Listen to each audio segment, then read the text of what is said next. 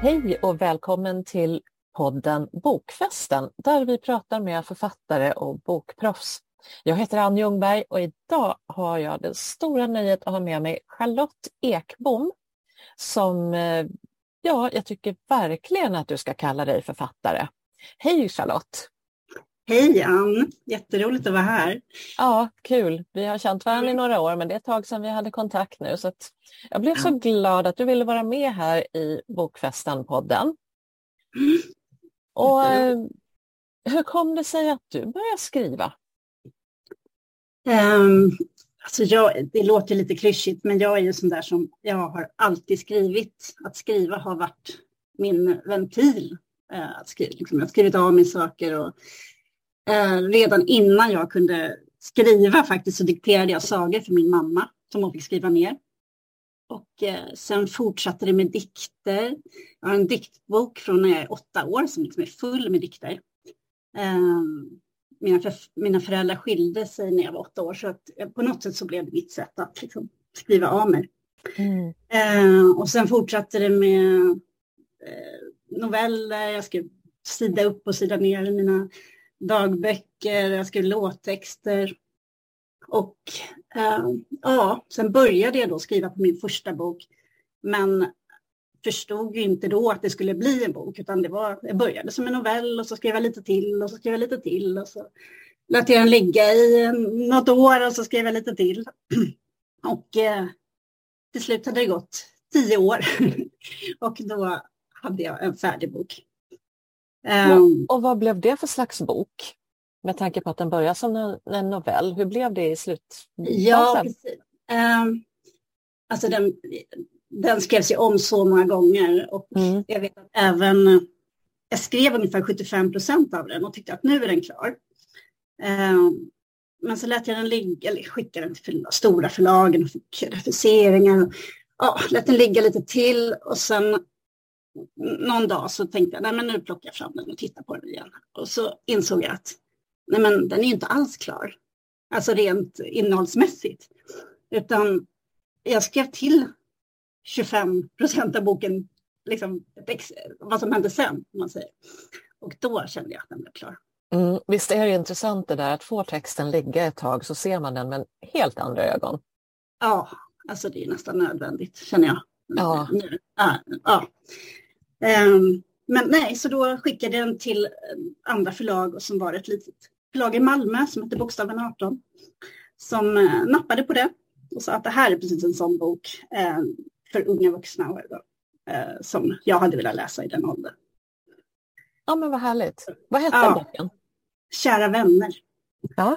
En eh, kärlekshistoria där Ebba och Jakob berättar varannat kapitel om sin historia. Eh, sin omöjliga historia, till och från, till och från och så blir det om.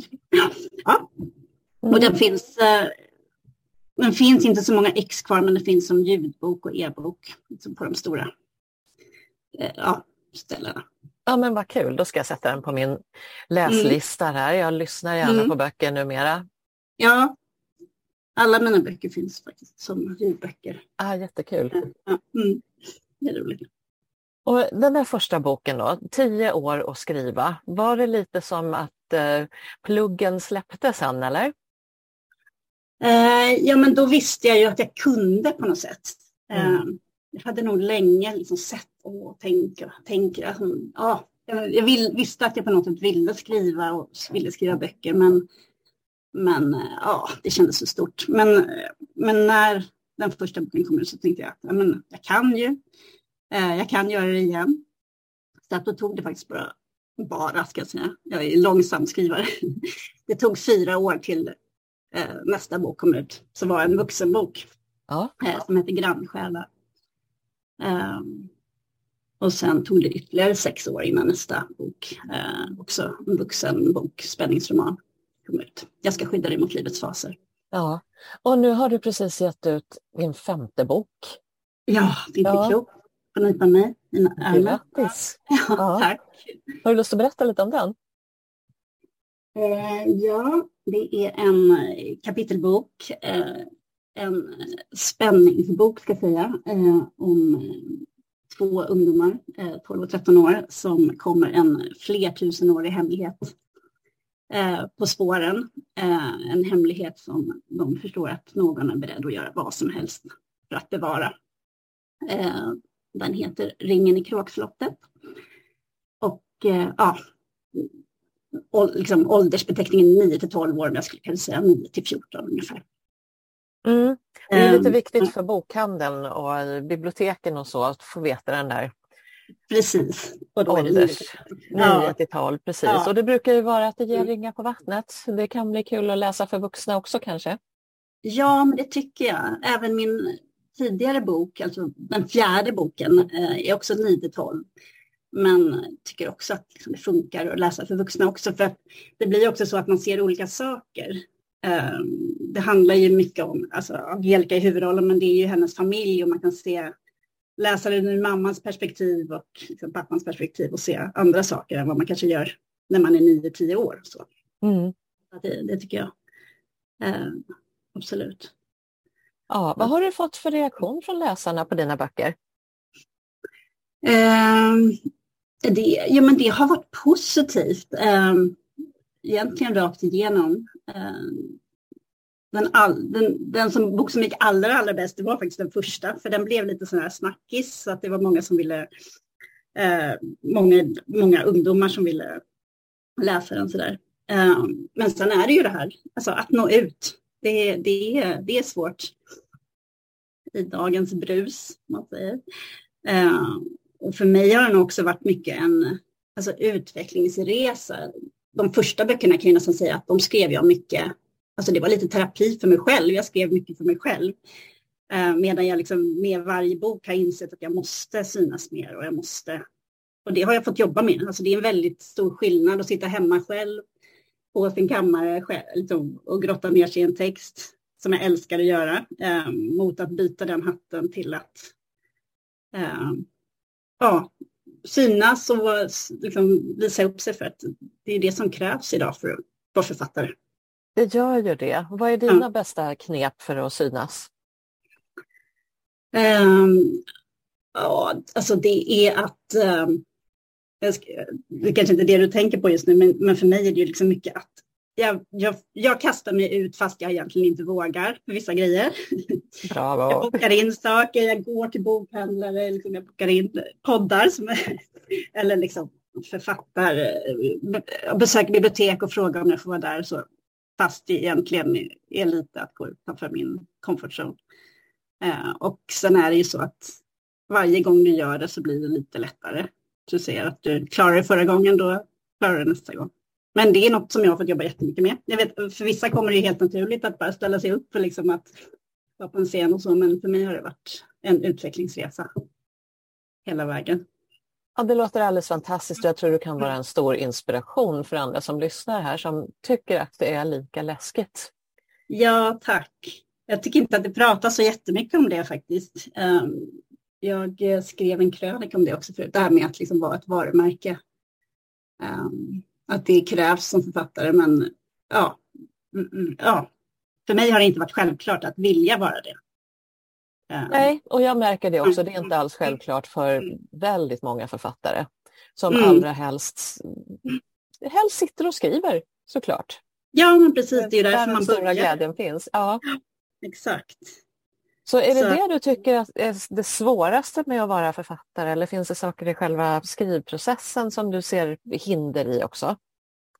Um, det är nog det svåraste och det kan jag bara tillägga där att det har hjälpt mig lite också att eh, skifta fokus från att liksom tänka att nu står jag här och vad ska alla tänka om mig eller så, utan istället tänka på liksom, vad jag ger, vad jag ger ut att liksom, det är faktiskt någon som vill komma och lyssna. Det är någon som kanske liksom, kan lära sig något av det här eller eh, utvecklas av det här. Eller någonting. Att jag inte finns där för mig utan för dem. Förstår du vad jag menar? Att det, att det blir liksom ett, att jag ger av mig själv istället för att fokusera på mig själv. Ja, jättebra. Mm. Ja, eh, nej, men så det tycker jag är svårt. Eh, själva skrivandet kommer ju ganska naturligt eftersom det är något jag liksom alltid har gjort. Um, så, så, det är klart att det finns svårigheter där också, men annars är ju en annan stor svårighet är ju liksom att bara hitta tiden. Uh, att verkligen sätta av tid till att skriva, att prioritera det. Uh, att uh, liksom följa den här processen som det ändå är. Också svårt att låta texten vila, som vi pratade om tidigare. Um, så det har nog varit de största utmaningarna för mig, liksom marknadsföring och hitta... Jag, jag, valde ju, jag var anställd på en reklambyrå eh, för många år sedan. Mm. Eh, liksom och på, och på IT-företag och så, men valde att hoppa av det för att få tid att skriva. Så jag har ju ändå liksom eh, gjort saker för att jag ska kunna hitta den tiden. Ja, men vad tufft. Betyder det att du skriver på heltid? Nej, absolut inte. För att, uh, nej, jag säljer inte tillräckligt med böcker än så länge. det, det jobbar jag på. Nej, det ehm, krävs verkligen en hel del ja, för att kunna göra det och det är ja. ytterst få författare i Sverige som faktiskt kan leva på sitt skrivande än så länge. Det är tragiskt. Det är ju verkligen. Mm. Men, men däremot skriver jag i jobbet. Jag jobbar ju som skribent och copywriter och, och skriver nyhetsbrev och så. Eh, skriver inlägg på sociala medier åt andra företag. Ja. Och det är lite lustigt att jag jobbar med marknadsföring åt andra men tycker att det är så svårt att marknadsföra mig själv. Kanske lite därför också för att jag vet liksom vad som krävs. Um, ja, så. Mm. så ja. Och sen skriver du ju i flera olika genrer också. Det kanske också kan ställa till det där med varumärket, eller hur ser du på det? Ja, men exakt. Både det och sen att jag har gett ut böcker med ganska stort... Alltså min första bok kom 2005, så det har ju varit en väldigt liksom, lång, eh, lång tid. Eh, jo, jag har skrivit för unga vuxna, jag har skrivit för vuxna och sen nu då barn och unga. Men helt ärligt så har det egentligen inte varit, alltså det, jag, det är inte så att jag har bestämt mig i förväg, utan när jag skrev min första bok, Kära vänner, eh, så var jag runt 25 år. Så det kom ganska naturligt för mig att skriva för unga vuxna. Alltså det var mitt språk då. Eh, ja. Och sen eftersom det tog så pass många år innan nästa bok och nästa bok kom så hade jag liksom hunnit få familj och liksom blivit lite vuxnare och då blev det ju också ett naturligt att skriva för vuxna eh, och ha ett vuxnare språk.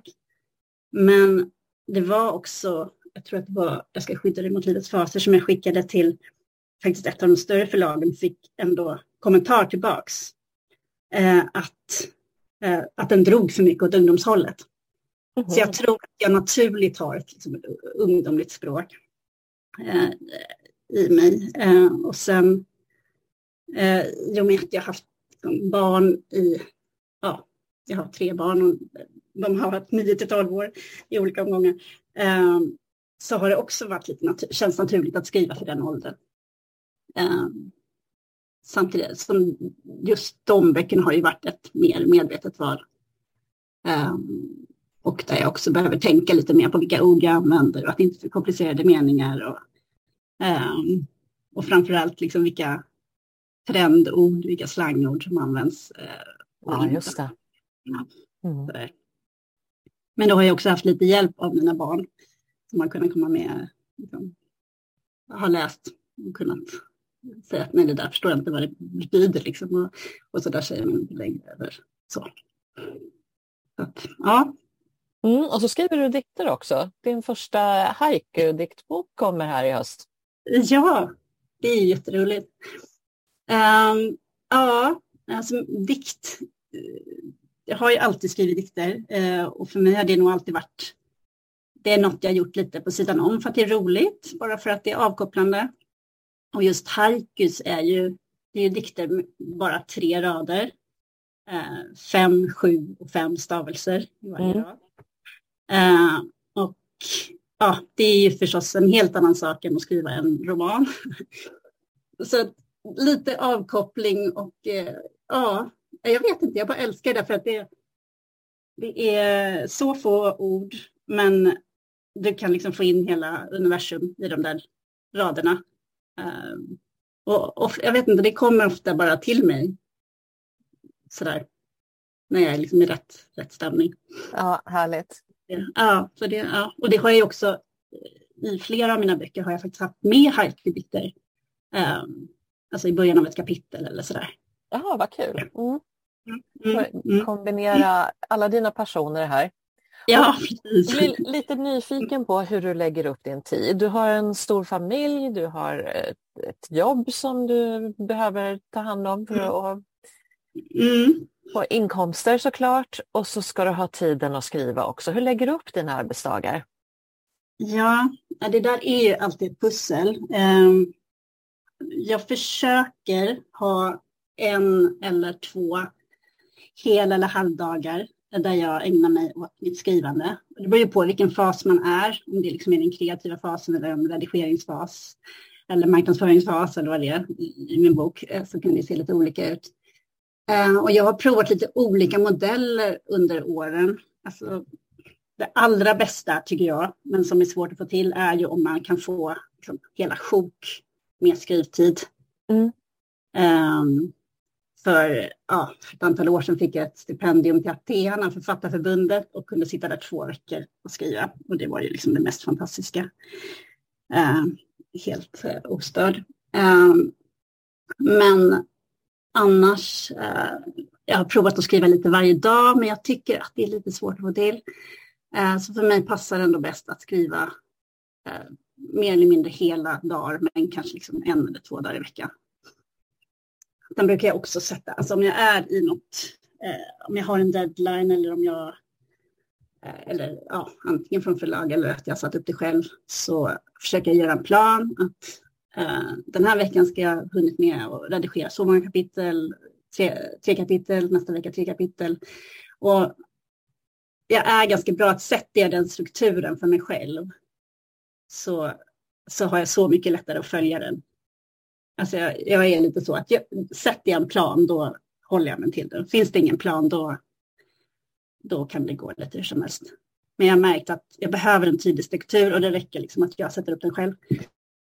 Ja men lysande. Det, mm. det, är bra disciplin där. Ja, jag tror det är en bra, också en bra, alltså, bra att tänka på. Att man behöver den här strukturen Eh, även om det är tråkigt när man är kreativ och liksom sådär. Men att man har strukturen för att man ska kunna vara kreativ och verkligen skapa något i den.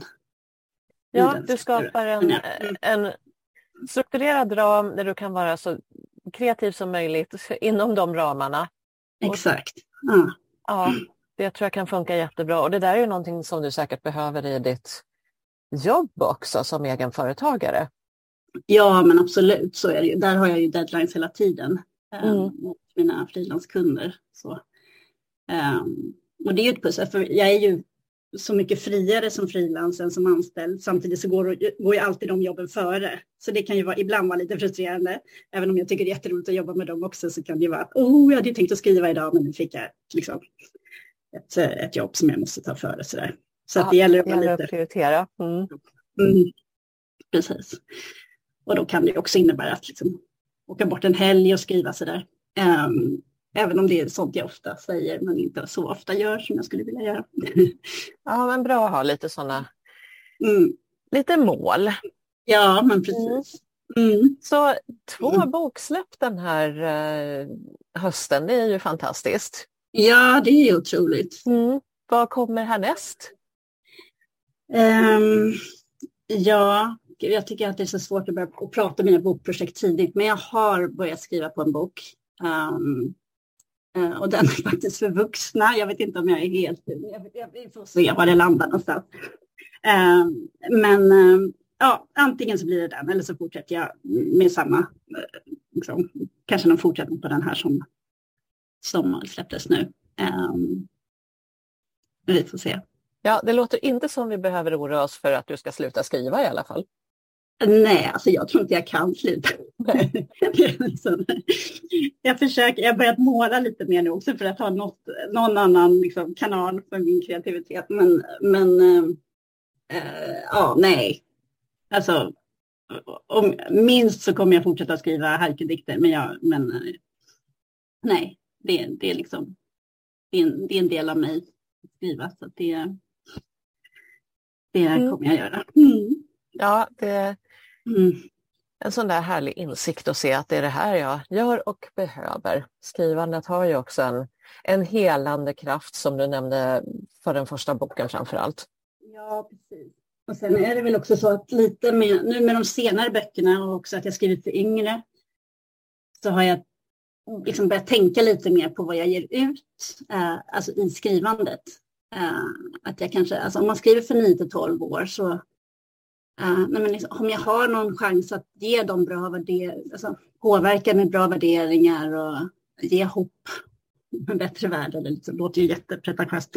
Men eh, istället för att bara skriva om elände och att liksom, så. Så, så jag, jag, tänker lite mer så nu också när jag skriver. Så det har också förändrats lite med mitt skrivande.